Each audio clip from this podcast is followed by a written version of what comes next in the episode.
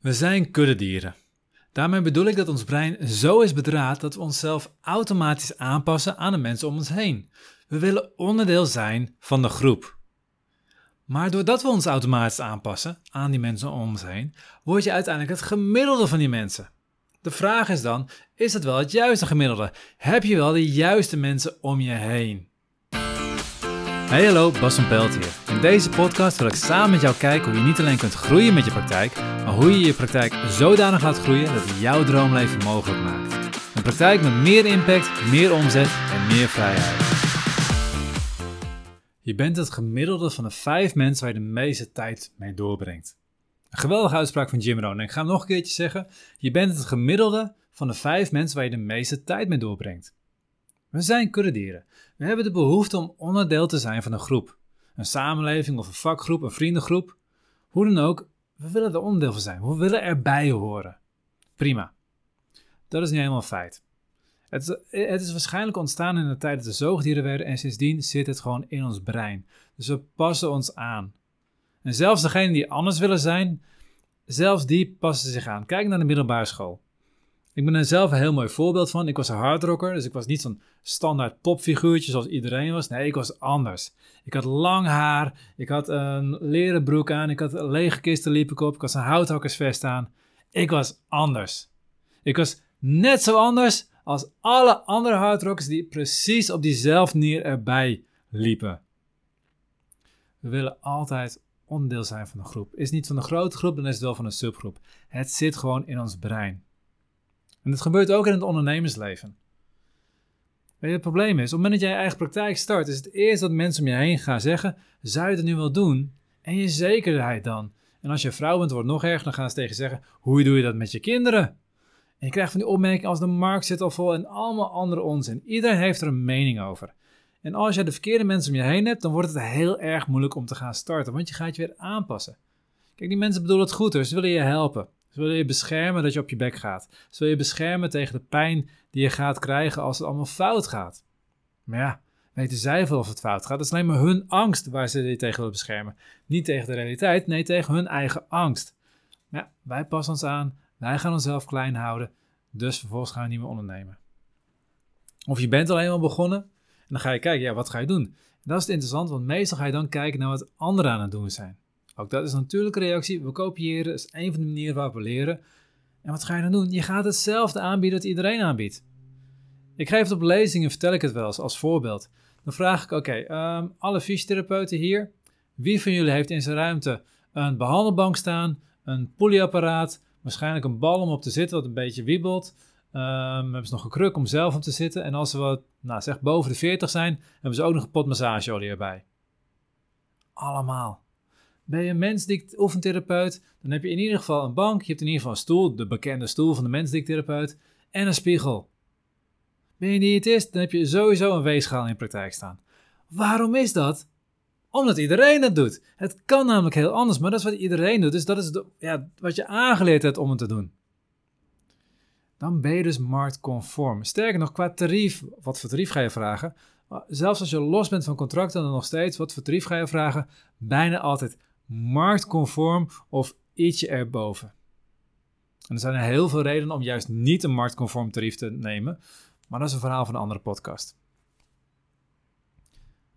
Als je gaat kijken hoe je gaat groeien, de volgende fase van het ondernemen. Ook dat doen ze hetzelfde als anderen. Reguliere therapie, de enige vorm van groei die ze hier kennen, is meer personeel aannemen. Geen andere businessmodellen. Ze gaan niet allemaal online dingen opzetten. Ze gaan geen traject opzetten. Ze gaan niet allemaal nog andere dingen naast verkopen. Ja, een teraband verkoopt de fysiotherapeut naast. Een diëtist, ja, die verkopen allemaal eiwitshakes erbij. Of andere producten die je, die je kan gebruiken om makkelijker af te vallen. Die hebben dan wel dingen die ze verkopen. Dat is ook weer wat ze allemaal doen daar. Dus dat is ook normaal te doen. Binnen de fysiotherapie is het minder normaal. Binnen de mensdik is het nog minder normaal. Dus er wordt allemaal niet gedaan. Toen ik begon als fysiotherapeut hadden heel veel fysiotherapeuten nog een warmtepakking. 2002 was dat. Heel veel hadden nog een warmtepakking liggen. Rond die tijd kwam de fysiofitness op en ineens heeft elke fysiotherapiepraktijk een fysiofitnesscentrum. Ja, uh, onzin. Dat is alleen maar gewoon doen wat iedereen doet. Begin je er een beetje te herkennen. Begin je een beetje te zien wat voor rare maatschappij we in leven, waarin iedereen elkaar maar kopieert. dat is helemaal niet raar. Dat is gewoon wat zoogdieren zijn. En wij zijn zoogdieren, dus dat is wat te doen. Weet je het probleem hiervan is? Als jij doet wat iedereen doet, zul je krijgen wat iedereen krijgt. Als je doet wat iedereen doet, zul je krijgen wat iedereen krijgt. Middelmatigheid. En je wilt geen middelmatigheid. Anders luister je niet naar deze podcast. Deze podcast is voor de groeiers die hun eigen visie willen neerzetten, die op een eigen manier willen werken en zo nog meer waarde willen bieden aan hun cliënten en meer waarde willen ontvangen. Meer impact, meer omzet, meer vrijheid. Als dat is waar je voor staat, dan wil je dus niet middelmatig worden. Dan wil je dus niet doen wat iedereen doet. Dan wil je dus niet aanpassen aan de grote massa. Maar ja, je past je automatisch aan. Je wilt je niet aanpassen, maar je brein is erop gericht om je automatisch aan te passen. Dus hoe ga je dat doen? Je gaat zorgen dat je de juiste mensen om je heen hebt. Les Brown zei het heel mooi. Als er negen mensen in de kamer zijn en jij komt als tiende erbij. En jij bent de slimste mens in die kamer. Dan moet je een betere kamer gaan zoeken. En dat is het. Want continu pas aan. Ik heb het zelf ook ervaren. Ik heb in een samenwerking gezeten met twee mensen. Nou, de ene was een zware narcist. Dat is sowieso niet goed geweest voor mijn zelfbeeld. En die ander, goede vent, goede coach ook. Maar die geloofde niet dat heel veel mogelijk was. Die geloofde dat, dat, heel veel dingen niet konden. Hij was bijvoorbeeld bang om trainingen te geven, om voor een groep te staan. Hij had heel veel opleidingen voor gedaan. Kon het in principe ook. Nou, zou het in ieder geval moeten kunnen. Maar hij durfde niet echt. Dus elke keer als wij een nieuwe training opzetten, dan, nou, de derde persoon, die was al trainer, dus die kon het in zijn visie. Dus zei, ja, dan moet, moet hij het doen. En zei, ja, maar ik kan het ook doen. Nee, doe het maar niet, want je hebt die opleiding nog niet gedaan, je hebt dat nog niet gedaan. Dus laat hem het maar doen, hij heeft meer ervaring. Ja, maar ik kan het ook doen.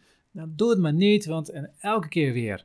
Op een gegeven moment, omdat ik die samenleving, samen, samenleving, omdat ik die samenwerking belangrijk vond, heb ik ervoor gekozen om niet meer voor te stellen om zelf je training te geven heb ik voor gekozen om mezelf kleiner te maken dan ik echt kan en ik ben niet meer gaan groeien. Het is maar een voorbeeld, maar ik zie dit dagelijks gebeuren in de praktijk.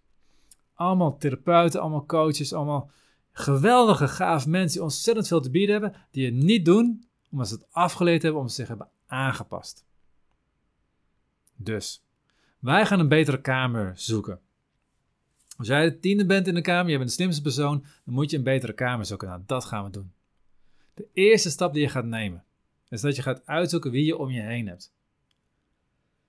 Normaal geef ik hier voor de oefening dat je een lijst maakt met de vijf mensen waar je de meeste tijd mee doorbrengt. Ga die lijst ook maken met de vijf algemeen in je hele leven de vijf mensen waar je de meeste tijd mee doorbrengt. Maar doe vervolgens nog even vijf mensen eronder ook schrijven. En dat is een aangepaste lijst met alleen maar vijf collega's waar je de meeste tijd mee doorbrengt. Dus de vijf andere therapeuten of coaches waar jij de meeste tijd mee doorbrengt.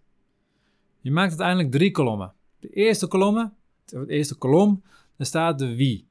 Dus wie zijn die mensen? Dus die vijf mensen in het algemeen waar je de meeste tijd mee doorbrengt en die vijf therapeuten of coaches waarmee je doorbrengt, die staan onder elkaar. Je tweede kolom ga je alleen maar boven zetten energie. En je vult in, krijg je energie van die mensen of kosten ze energie? Heel simpel. De derde kolom, ook heel simpel, staat boven inspiratie. Inspireren ze jou of halen ze jou naar beneden? Geef je het gevoel dat je inderdaad echt overal toe in staat bent, dat er meer mogelijk is in de wereld? Of geef je het gevoel dat er niks mogelijk is? En dat je eigenlijk kleiner bent dan je dacht dat je zou kunnen zijn? Aan het eind van de oefening heb je dat ingevuld. En zie je heel duidelijk welke mensen je energie geven en je inspireren, welke mensen je energie kosten en je naar beneden halen. Stap 2 is simpel. Maak een keuze. In wie wil je energie steken? In wie wil jij je tijd steken? Wil jij tijd steken in de mensen die je energie kosten en die jou naar beneden halen? Of wil je tijd steken in de mensen die je energie opleveren, die jou het gevoel geven dat er meer mogelijk is, dat jij tot meer in staat bent, dat je meer kunt bereiken, die jou inspireren? Lijkt me heel duidelijk. Stap 2 is heel simpel. Maak een keuze. Steek je energie en tijd alleen nog maar in de juiste mensen. En die andere mensen, laat je gewoon lekker gaan. Kan je niet van ze af omdat ze nou eenmaal toevallig familie van je zijn? Nou, dan is dat helaas zo. Maar probeer zo min mogelijk met ze te praten over jouw ideeën, zodat zij niet een negatieve invloed kunnen hebben op jouw ideeën. Ga niet aan ze vertellen welke gave stappen je wilt ondernemen, welke gave kansen je ziet. Houd het voor jezelf. Deel het alleen met de mensen die inspireren en energie geven. Als je met hen deelt, dan gaan ze naar beneden halen, gaan zeggen het kan allemaal niet en op een gegeven moment gaan ze nog geloven ook. Dus, stap 1. Kijk welke mensen je moet hebben. Stap 2, maak een keuze. En stap 3, dat kan zelfs zijn, ga op zoek naar nieuwe mensen. En daarvoor neem actie. Als je niet de juiste mensen om je heen hebt, ga dan op zoek. Ga via netwerkborrels opzoeken. Ga opzoeken gewoon in je eigen vakgebied. Wat zijn de echt inspirerende coaches? Wat zijn de echt inspirerende acupuncturisten? Wat zijn de echt inspirerende therapeuten? Kijk wie je kan vinden. Binnen de acupunctuur, Melanie Peters is een gave. Ik werk met haar samen en zij wil echt acupunctuur sterker neerzetten. Zij wil een, ja, zorgen dat acupunctuur gewoon staat in de wereld. Als je haar volgt, ga je heel veel leren, ga je heel veel geïnspireerd worden. Binnen de fysiotherapie ga eens kijken naar welke praktijken nou echt gaaf zijn om te, hoe, hoe ze het opgebouwd hebben. Er zijn er genoeg die echt gave dingen doen. Binnen de coaching, oh joh, zijn zoveel. Al kijk alleen maar naar Tony Robbins bijvoorbeeld. En dat is een dingetje. Als je ze niet op je heen hebt en je nu kunt niet, niet direct vinden in, in je netwerk of in een um, open koffie of waar dan ook, ga dan op andere plekken op zoek. Je kunt je nog steeds omringen met de juiste mensen. Als je niet fysiek om je heen hebt, ga dan elke avond naar YouTube kijken en kijk daar filmpjes van ondernemers die je inspireren. Ook dat is jezelf omringen met de juiste mensen. Ook dat is je tijd besteden aan mensen die echt energie geven en inspireren. Ik heb een tijd in mijn leven gehad dat ik niet de juiste mensen fysiek om me heen had, maar ik zoveel op YouTube zat te kijken, naar podcasts zat te luisteren, boeken zat te lezen, dat ik alsnog de vijf mensen waar ik de meeste tijd mee doorbreng, bracht, waar in eerste instantie was het mijn vrouw, in een tweede instantie waren het mensen als Tony Robbins, Jim Rohn, um, Noah Kagan, um, Richard Branson, dat soort types. Dus ook op die manier kan je alvast zorgen dat jij de juiste mensen om je heen hebt. Als je op zoek gaat, een paar tips. Joe Dispenza, super gaaf als je wil weten hoe gezondheid werkt en hoe je dat kunt beïnvloeden. Um, Tom Bilieu, moet ik even uitleggen hoe je het schrijft. B-I-L-Y-E-U. Hij is van Impact Theory. Hij gaat heel erg over nou, hoe je je leven kunt veranderen, kunt ja, creëren en, en kunt groeien. Ook zijn podcast is zeker een aanrader.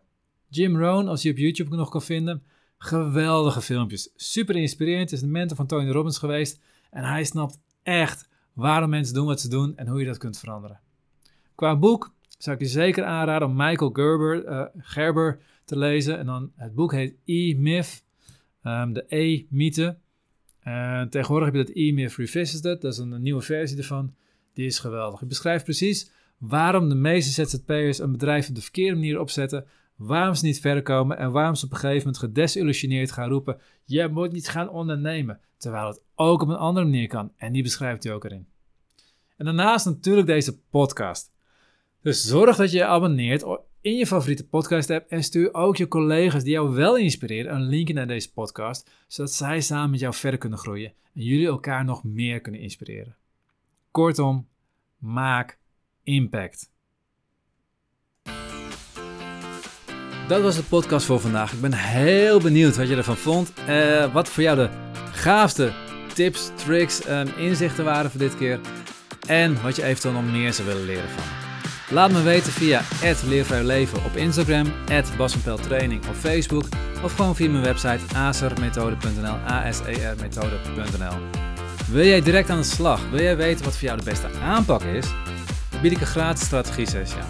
In een half uur gaan we gewoon kijken waar sta jij, waar wil je naartoe en welke stap heb je nodig om daar te komen en wat is daarvoor de beste aanpak. Aanmelden voor de strategie sessie doe je via asermethode.nl schuine streep strategie asermethode.nl aan elkaar schuine streep strategie. En wij gaan in een half uur zorgen dat jij helder hebt waar je heen moet en welke stap je daarvoor nodig, voor nodig hebt. Ik zie je de volgende keer. Tot die tijd op jouw vet gave praktijk.